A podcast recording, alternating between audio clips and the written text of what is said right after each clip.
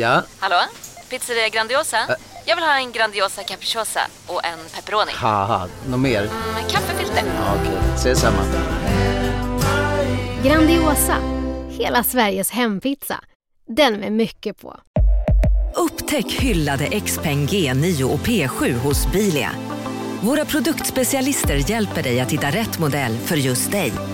Boka din provkörning på bilia.se xpeng redan idag. Välkommen till Bilia, din specialist på X-peng. CSRD. Ännu en förkortning som väcker känslor hos företagare. Men lugn, våra rådgivare här på PWC har koll på det som din verksamhet berörs av. Från hållbarhetslösningar och nya regelverk till affärsutveckling och ansvarsfulla AI-strategier. Välkommen till PWC.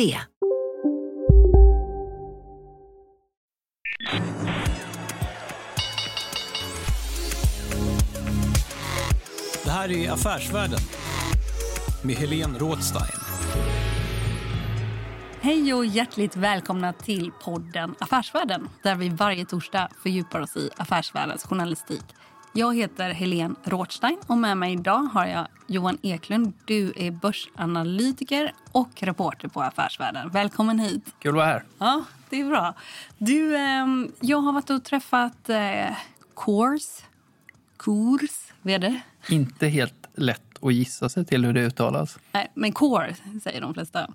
Mikael Stör heter han och eh, jag var i Kista och gick runt i deras eh, huvudkontor kan man säga. Och ehm, de bedriver sådana saker som är väldigt praktiska runt ett företag. Han säger själv, Mikael Stör, att det som inte är ens kärnverksamhet kan de ta hand om. Och det kan vara då att Volvo Cars ska kunna sälja bilar, fokusera på det. Och sen tar de hand om lokalerna och städ och så vidare. Vi- Vilket eh, kan vara nog så viktigt om du ska liksom bedriva en fokuserad och, och slimmad verksamhet, tänker jag. Och det som är ganska intressant är ju liksom när vi står och väger här eller är på väg mot en eh, lågkonjunktur. Det här har man pratat om i så många år. Nu Ja. kommer lågkonjunktur. Nu kommer... Ja. Ja.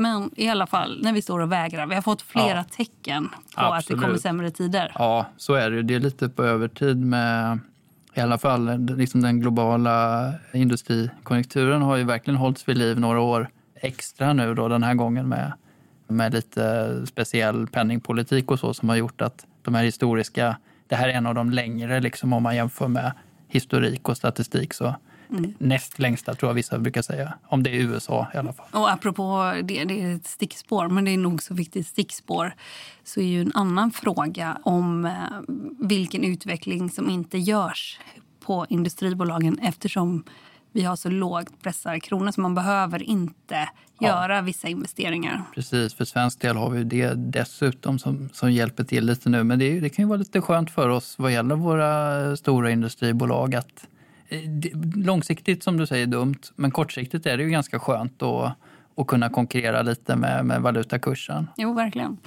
Men eh, det som är intressant eh, som när man pratar med liksom, analytiker och också er på börs och sådär, det är att det här kan ju vara ett bolag att titta på inför sämre tider.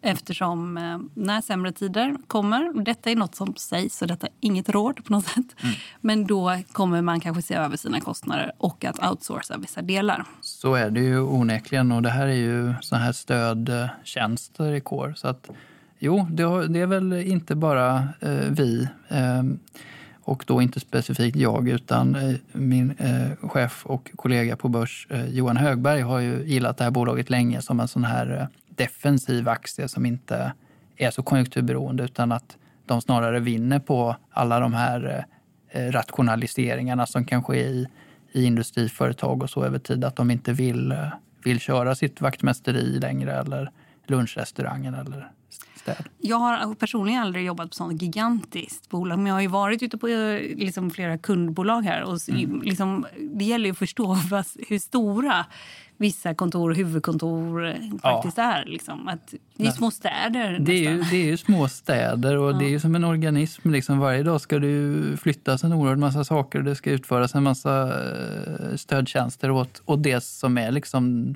kärnverksamheten och som en del då menar är, är liksom förädlingsvärdet. Men det här andra måste ju flyta.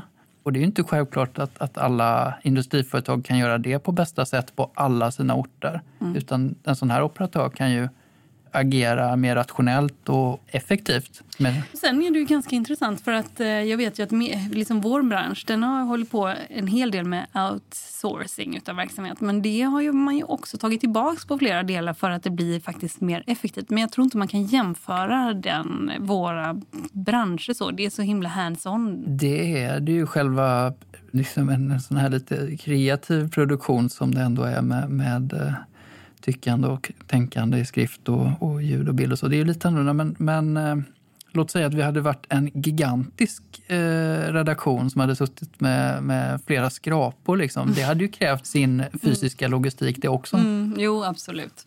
Det som är ganska intressant är också vilka som sitter i ledningen för de här bolagen. Mm. Eh, och här så är det liksom flera då traditionellt sett som har bakgrund in som organisationskonsulter mm. som liksom fokuserar på då effektivitet. En fråga som jag glömde ställa det är vad man gör när man får ett kontrakt som Nya Karolinska som har liksom, där duscharna... Vad är, vad är det för skandaler? Ja. Vil, vilka skandaler finns inte på Nya Karolinska? Men eh, Det vet jag inte. Det får bli ett, ett eget avsnitt. Mm. Men där duscharna, liksom, golvet i duscharna lutar åt fel håll. Vad får, Antagligen så finns det massa försäkringar om det. Men det kanske någon annan kan fråga honom om. Det låter ju som en uppföljningsfråga. Men jo, det är ju det är inga små... Den där typen av kontrakt är ju både långa och, och rätt komplexa. Så jag, jag kan tänka mig att, att eh, både juridiken och planeringen och, och, att, att det är ganska viktigt hur man lämnar sina liksom, anbud. Ja, för frågan är liksom, vad får man då om man dessutom har, får ha... Plötsligt sitter man där med en väldigt komplex byggnad som innehåller i sig massa fel och så ska man ta hand om fastighetsskötseln där. Mm. Så här är det att vara journalist. Man ja. gör en intervju, man kommer tillbaka ja. och eh, ja, den är inte helt komplett. Liksom, det finns mycket mer to it och djävulen sitter som bekant i detaljerna. Men intervjun med Mikael Stör, vd för Core, kommer här. Marknaden sponsras av SPP, pensionsbolaget. Eh, förra gången pratade vi lite om ITP. Och som en kort repetition så, så var det ju 70-tal, arbetsmarknadens parter bestämde att alla tjänstemän ska ha en tjänstepension. Man kom överens om vilka villkor som ska gälla i den här pensionen och så kallade man den för ITP. Så jobbar man idag som tjänsteman i ett företag med kollektivavtal, då har man förmodligen den här pensionen, ITP-pensionen. Eh, och det är ju så att man kan påverka eh, den här pensionen, hur den är placerad. Vart femte år så gör nämligen Collectum, som de heter, en enorm upphandling där olika pensionsbolag kan ansöka om att få förvalta eh, de här pensionerna. Och SPP är ett av bolagen som valdes ut i den senaste upphandlingen. Och sen kan du som pensionssparare välja eh, vilket av de här olika pensionsbolagen som, som då ska få ta hand om dina pengar. Och tanken med den här upphandlingen är ju att liksom kvalitetssäkra de här olika alternativen eh, men också att förhandla fram stora rabatter så att pensionsspararna ska få ja, kunna spara pengar genom att avgifterna eh, som är så viktiga eh, blir eh, lägre. Och vill man välja någonting i ITP-systemet då finns det en relativt ny sajt som heter avtalat.se. Ehm, där kan man gå in och se hur sin ITP-pension är placerad. Jag gjorde det häromdagen faktiskt. Ehm, idén är att hälften av pengarna alltid ligger i något som kallas för traditionell försäkring. Det här gjorde vi ett avsnitt om i podden Kapitalet nyligen eh, som vi kallade världens bästa sparform. kan man lyssna på om man är intresserad. Eh, den andra halvan eh, den kan man också lägga i en traditionell försäkring eller så kan man placera det i något som kallas för fondförsäkring. Eh, SPP som sagt eh, var ju ett av de fåtal bolagen som valdes ut i den senaste upphandlingen och de finns med som alternativ både med en traditionell försäkring och med eh, fonder. Så det var en liten bakgrund till ITP-systemet. Vill man läsa mer om det här eller typ kolla hur ITP-pensionen är placerad, eh, kanske göra förändringar, då går man in på avtalat.se men tack säger jag till SPP som vill göra oss människor mer medvetna om hur enormt viktig pensionen är för oss som en framtida lön, men också som en positiv kraft i samhället eh, och förstås för att ni möjliggör eh, den här podden Marknaden. Du lyssnar på Affärsvärlden Magasin med Helene Rådstein. Nu är jag redan sponsrad här, ser du. Ser du? liksom på öronen. Vad, vad står det på mina öron? På dina öron står det Core med en stjärna. Men du, eh, vet alla att det ska uttalas core?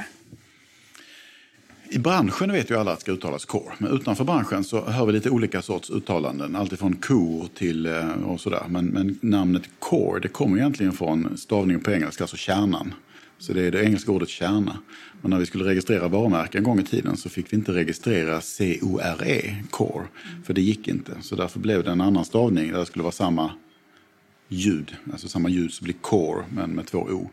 Och tanken är då att och, och vår logga där vi har ett C eh, för core runt en stjärna står då för att stjärnan är kunden i mitten.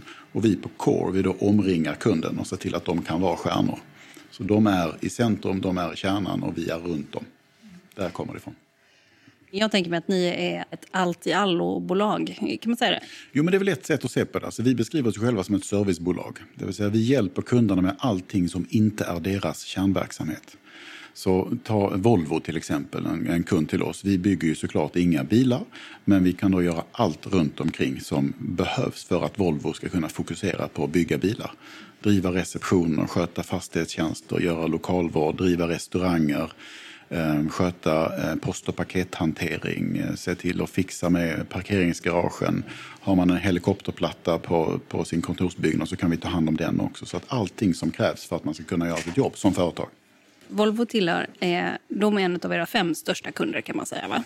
Ja, kan man säga. Och om man tittar liksom, era största kunder, de har ungefär hälften av era intäkter i Sverige i alla fall, på den svenska marknaden.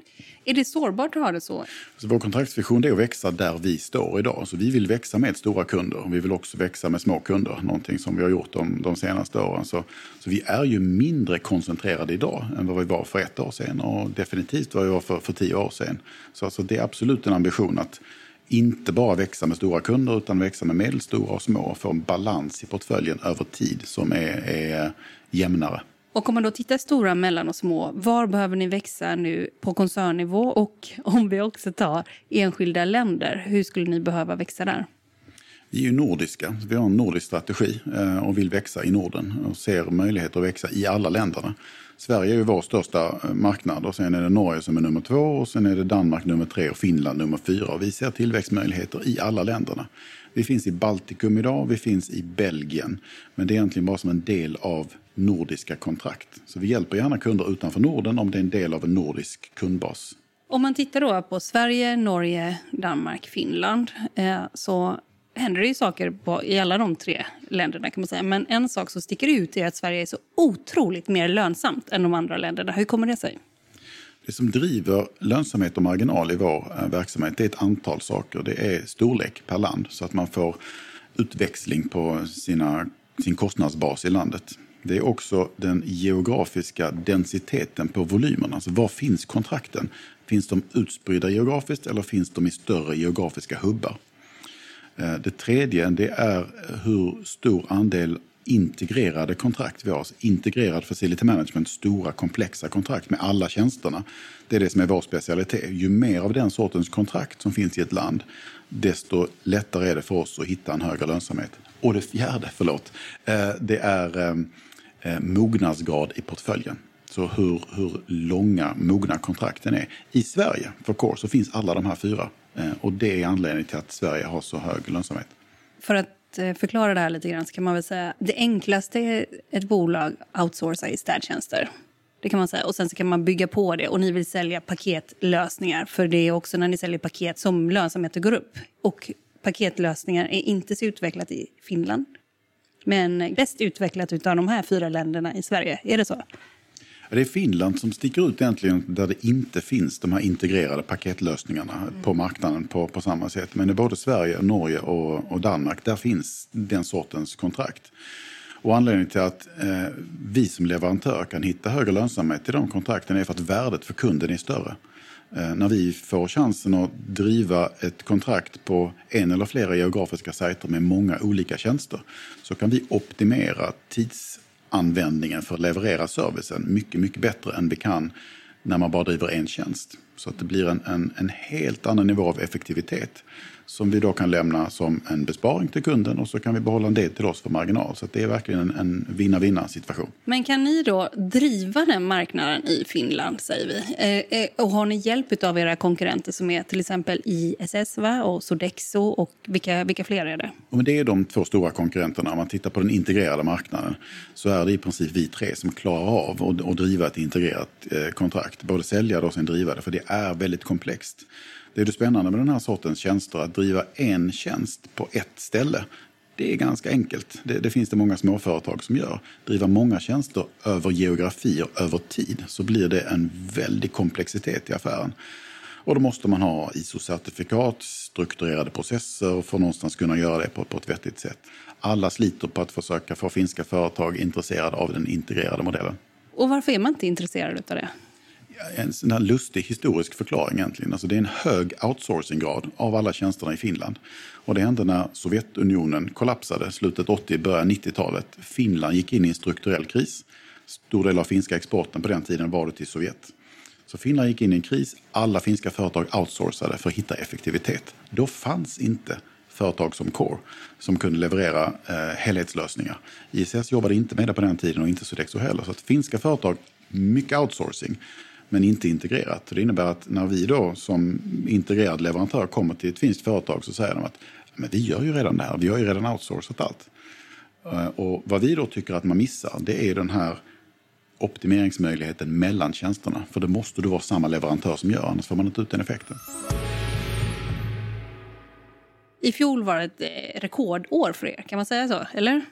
Ja, det var vårt bästa år eh, någonsin förra året. Och eh, för att ni, ni växte väldigt mycket. Ni gjorde också tre förvärv. tre första förvärv var det väl i, eh, någonsin, eller? De tre första förvärven sen vi noterades 2015. Sen har vi förvärvat tidigare, men det var en bit tillbaka i tiden. Om man tittar då på M&A eller förvärvsstrategier framöver, om man, för ni kan växa organiskt och ni kan också växa med förvärv. Hur ser den strategin ut framöver? Strategin är i grund och botten organisk. Vi vill växa organiskt, vinna nya affärer, både de stora upphandlingarna och sen den uppsökande försäljningen. Men vi tar hemskt gärna och tittar på eh, och bygga på den organiska tillväxten med förvärv, som vi gjorde förra året. Eh, och då, då söker vi efter bolag som jobbar med det eh, som vi redan gör, det vill säga vi söker bolag i Norden, vi söker bolag inom lokalvård, inom mat och dryck och inom fastighetsservice, våra tre stora tjänster. Och sen söker vi bolag som är lönsamma redan idag. Vi vill inte ha några turnaround case. Vi söker bolag som tillför någonting till Core i form av kompetens. Det kan vara eh, renrumsstädning som vi fick med oss i eh, något av förvärven vi gjorde eh, förra året. Och sen söker vi då företag som också där vi kan hitta kostnadssynergier. Där det finns kanske ledningspersoner som inte längre eh, vi behöver eller som inte vill vara med beroende på om det är entreprenörer som säljer. Så att vi kan få en effektivitet i, i det vi köper. Men i grund och botten så är vår strategi organisk. Vi vill vinna organiska affärer via våra, våra säljansträngningar. Men när vi pratar om förvärv, då är det, det är mindre bolag som, som, som du tänker då, inom olika nischbolag, eller? Ja, det är det. Så det kan vara till exempel ett lokalvårdsbolag som heter Elite Miljö som vi då köpte i Danmark eh, förra året. Gamla Core, vi var väldigt fokuserade på Själland. Lite miljö hade en väldigt stor verksamhet på Jylland. Passade perfekt eh, för oss. Det dubblade storleken på Core i Danmark i princip i ett förvärv. Så då accelererar vi in oss också i, i, en, i en storlek som gör att vi framöver kommer kunna hitta nästa nivå av lönsamhet i landet. Så storlek är viktigt för oss. Men också väl att ni kan verka inom en nod, att ni finns på en plats. För där finns också lönsamhet om ni kan, alltså till exempel Kista är väl kanonplats för er att vara på ifall ni slukar massa företag här, eller? Jo, men det är precis så. så den geografiska närheten så att man kan eh, hitta en effektivitet där vi redan finns med en befintlig verksamhet. Såklart, vi har ju ledningspersoner, vi har en infrastruktur på plats geografiskt som vi då kan använda för att, att hitta nya volymer. Vi blir effektivare, kan lämna bättre priser till kunderna, alla blir glada. Samma sorts kontrakt som jag skulle gärna titta på i Kista. Säg ett mindre lokalvårdskontrakt skulle vi ha väldigt svårt att hitta en effektivitet i sig i ett Kiruna eh, idag. När jag tittade på eh, ledningsgruppen tyckte jag det såg ut som att det var en hel del som hade bakgrund som eh, organisationskonsult. Liksom, hur tar ni med er det när ni håller på med service management? Men det är en av, en av våra specialiteter skulle jag säga i, eh, i, i branschen. Att vi har många gamla managementkonsulter som jobbar som chefer eh, hos oss. Det vill säga att när vi går ut till en kund så är vår, vår eh, spike i det integrerade att vi skräddarsyr våra upplägg. Vi har inga färdiga eh, cookie cutter-format utan vi vill förstå vad behöver kunden och hur skruvar vi ihop den absolut bästa setupen för just den här kunden. Det kanske är annorlunda än kund 2 och kund 3 och kund 4. Så att problemlösnings sättet eh, som, som man tar med sig som, om man jobbat som, som konsult. Så att man vill förstå och lyssna och rita upp, eh, hitta en process som funkar för just den kunden. Jag tror det är en spike som vi tar med oss faktiskt. Man skulle kunna tänka att ni är inte så konjunkturkänsliga. I en sämre konjunktur så kan fler välja att outsourca för man får lite kontroll på kostnader och sådär. Men i en högkonjunktur så kan man ha fler konferenser, man kan ha lite extra och det kan bli lite liksom extra volym för er. Om man tittar då, nu är det lite oklart vad kommer hända konjunkturmässigt. Hur tänker du och hur tänker du med företaget vad det gäller liksom låg och högkonjunktur? Det är precis så strukturen är. Alltså I sämre ekonomiska tider, fler företag som tittar på ny outsourcing, alltså företag som inte har outsourcat. Och å andra sidan så är vår befintliga kunder så är det, man konfererar lite mindre, man kanske inte diamantpolerar golvet i receptionen och sådär. Så, så den sortens volymer går då ner. Historiskt har vi sett att för oss så balanserar det här ut varandra. Core är ju eh, 21 år gammalt som, som företag. Så vi, vi kom ju från Skanska en gång i tiden. Spanns ut ifrån Skanska eh, 98 och sen dess har vi stått på egna ben. Så vi har ju som, som företag sett upp och nedgångar tidigare. Eh, och, och, och det, var, det, var, det jag menade, att det, det har svårt att tro att den här lågkonjunkturen blir dramatiskt annorlunda.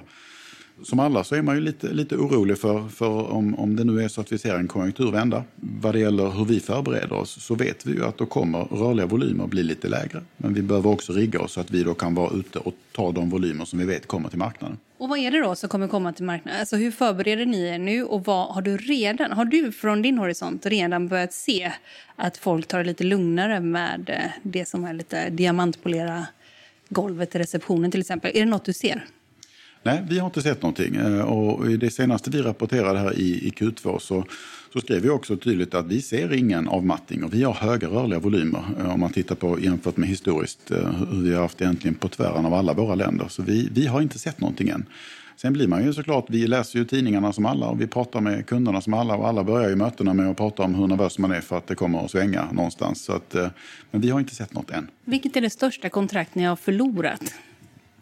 Största kontrakt vi har förlorat, man, om man tittar på en tidsperspektiv de sista fem, sju åren så tappade vi ett kontrakt med eh, ICA för en tre år sedan. Eh, och, och, stora delar av det vann vi nu tillbaka här i år. Och liksom när man är ute och, och säljer det kontraktet igen då, vad, eh, hur fick ni tillbaka det och hur, hur gör man för att få tillbaka ett sånt kontrakt? Kunden går ju ofta ut i, någonstans var tredje, var femte år så går man ut i processer och så testar man med marknaden. Det här är mitt behov av olika tjänster, jag har den här befintliga leverantören, finns det någon annan som kan tänka sig bjuda på detta också? Det händer med våra volymer det händer med, med konkurrenternas eh, volymer. Och då, då bjuder vi och så blir det en process när man pratar om kvalitet, man pratar om pris och innovationsförmåga. Och, så att när vi vinner ett kontrakt första gången eller när vi försöker vinna tillbaka det så är det egentligen ingen skillnad i hur vi säljer. Utan vi säljer på, på helheten, balansen mellan kvalitet, effektivitet och utvecklingskapacitet. Om man tittar på eh, kurvorna på liksom, börsen och så, där, så ser det ibland lite slagigt ut liksom, i eh, börskursen. Varför?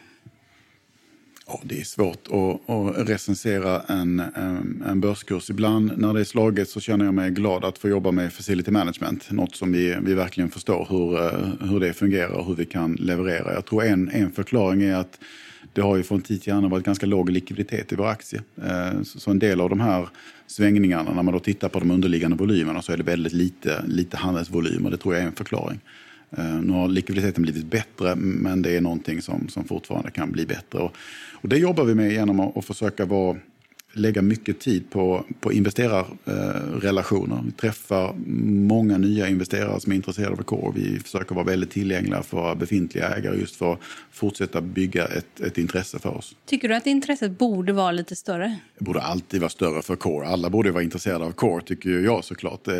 Men jag, jag har ju respekt för att vi, vi, har, vi är en industri som vi, vi verkar ju utan att synas. Så, att, så att som, som investerare, om man, om man har en fond och man har investeringar så, så är det ju en trappa att ta sig i förståelse. För, för det är ingenting man kanske har en direkt relation till. Vad är det här? Lokalvård och fastighetsservice och mat och dryck. Och, och varför är det smartare och effektivare när man gör alltihopa? Det, det är en, en, en förklaring kring hur funkar affären? Varför är affären som den, som den är? Hur ser marknaden ut?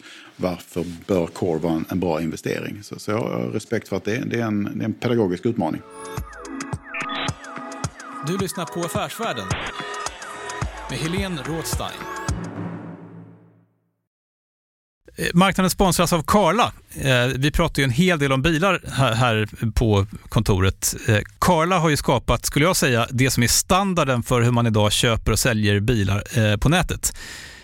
Kort bakgrund bara. Karla säljer och leasar begagnade elbilar och laddhybrider på karla.se. Alltså en helt digital upplevelse. Och man har gjort det här med ett nästan maniskt fokus på vad en bilköpare faktiskt behöver. Jag gjorde ju en intervju med en av grundarna, Patrik Illerstig, i marknaden här eh, ganska nyligen, eh, daterad 25 mars, om man vill lyssna på den. Eh, men där berättar han hur de kom in i det här lite från vänster för att försöka uppfinna hela den här liksom bilköpupplevelsen från början. Och de har idag, vilket är rätt otroligt, 4,8 i betyg eh, på Trustpilot. Jag, jag har sett många företagssidor på Trustpilot, men det här är nog bland eh, det bästa jag någonsin sett eh, faktiskt. Man kan sälja bilen till Karla också. Eh, då går man in på karla.se, delar lite info om bilen, sen får man en gratis värdering och ett bud. De hämtar bilen helt gratis i hela Sverige och så har man pengarna på kontot i samma stund som de hämtar bilen. Det är grymt. Eh, så ska du köpa en ny bil eller sälja din gamla, eller båda delar för den delen, gå in på karla.se och eh, kolla. Alltså karla.se och Karla stavas med C. Tack så mycket till Karla. Förutom de konkurrenterna som ni har här i Norden, om man tittar i USA eller i England, där jag kan tänka mig att det finns eh, liksom de som är verksamma inom service management på en helt annan nivå än vad ni är. Vad, vad tycker du är, liksom är det mest spännande som händer där och eh, som du liksom siktar mot också härifrån? Om man tittar på leverans till, till kund, om man tittar på eh, både serviceerbjudande, integration av digitala verktyg, om man tittar på automatisering av både robotisering och sensorisering, alltså mäta vad som händer i kontor och industrimiljöer, så tittar vi ingenstans. För vår bedömning är att vi är faktiskt eh, världsledande på det på Core, trots att vi då bara finns i Norden så har vi ju fördelen av att vi har nordiska kunder som över tid har ställt väldigt höga krav på oss att jobba med digitalisering, att jobba med robotisering. Så när vi träffar och tittar på våra eh, kollegor internationellt så säger vi att hmm, vi är ganska bra på det här. Eh, så vi tittar faktiskt inåt och sitter och pratar med våra kunder. Vi pratar med en, en Telia och vi pratar med en Ericsson och vi pratar med en, en Equinor, gamla Statoil och, och får hjälp av dem att pusha oss vidare. Och när man pratar om eh, automatisering, för det är väldigt arbetsintensivt och eh, det, det, är det som kostar för er kan man säga, personal. Inom vilka områden ligger ni långt framme och hur ska ni automatisera er bättre? Ja, det finns egentligen inom alla områden automatiseringsmöjligheter. Inom lokalvård så är det ju städrobotar, det, det uppenbara. Och de generationer av städrobotar som finns idag, de är inte tillräckligt effektiva för att kunna konkurrera. Men, men det, jag tror det tar ett par generationer av, av affärsutveckling hos robottillverkarna för att det ska bli bra. Eh, och då, då tror jag man kommer på något års sikt se framför sig att en lokalvårdare jobbar tillsammans med en robot. Så man kommer in på, på morgonen och man fyller på vätska och man fyller i Eh, och byter kanske olika reningsblad på, på roboten, den åker iväg och städar de stora ytorna i en hangar eller i kulvertar i en industrimiljö och sen går lokalvårdaren själv då och städar de mindre ytorna, följer upp roboten via någon appliknande lösning. Det finns redan idag. Vi kör den här sortens lösningar hos kunder idag och testar. Men vi ser också att maskinerna är inte tillräckligt smarta än för att det här ska bli riktigt effektivt. Fastighetsservice, så, så en sån sak som vi testar det är till exempel drönarlösningar för att ut och inspektera tak, se vad som, eh, istället för att ha ett, ett par personer som hyr en skylift, kommer dit och ställer upp den, åker upp och så tar det en halvdag, så kan man mm, göra samma jobb på någon timme. Flyga upp med drönaren, få den, den i HD-kameror filmat över taket. Man kan sätta på en värmekamera och se, har vi energiläckage eh, ifrån från taket behövs det tätas för att få en bättre energioptimering av fastigheten. Ehm, och men den, den tekniken är, är, fantastisk idag, så där finns det eh, mer att göra. Inom restaurang, ja, där finns det allt ifrån att ha appliknande lösningar, alltså gör det enkelt för medarbetare hos våra kunder att eh, se vilka menyer som finns och gå in och beställa eh, mötesmat eh, elektroniskt och då få en faktura till sitt kostnadsställe.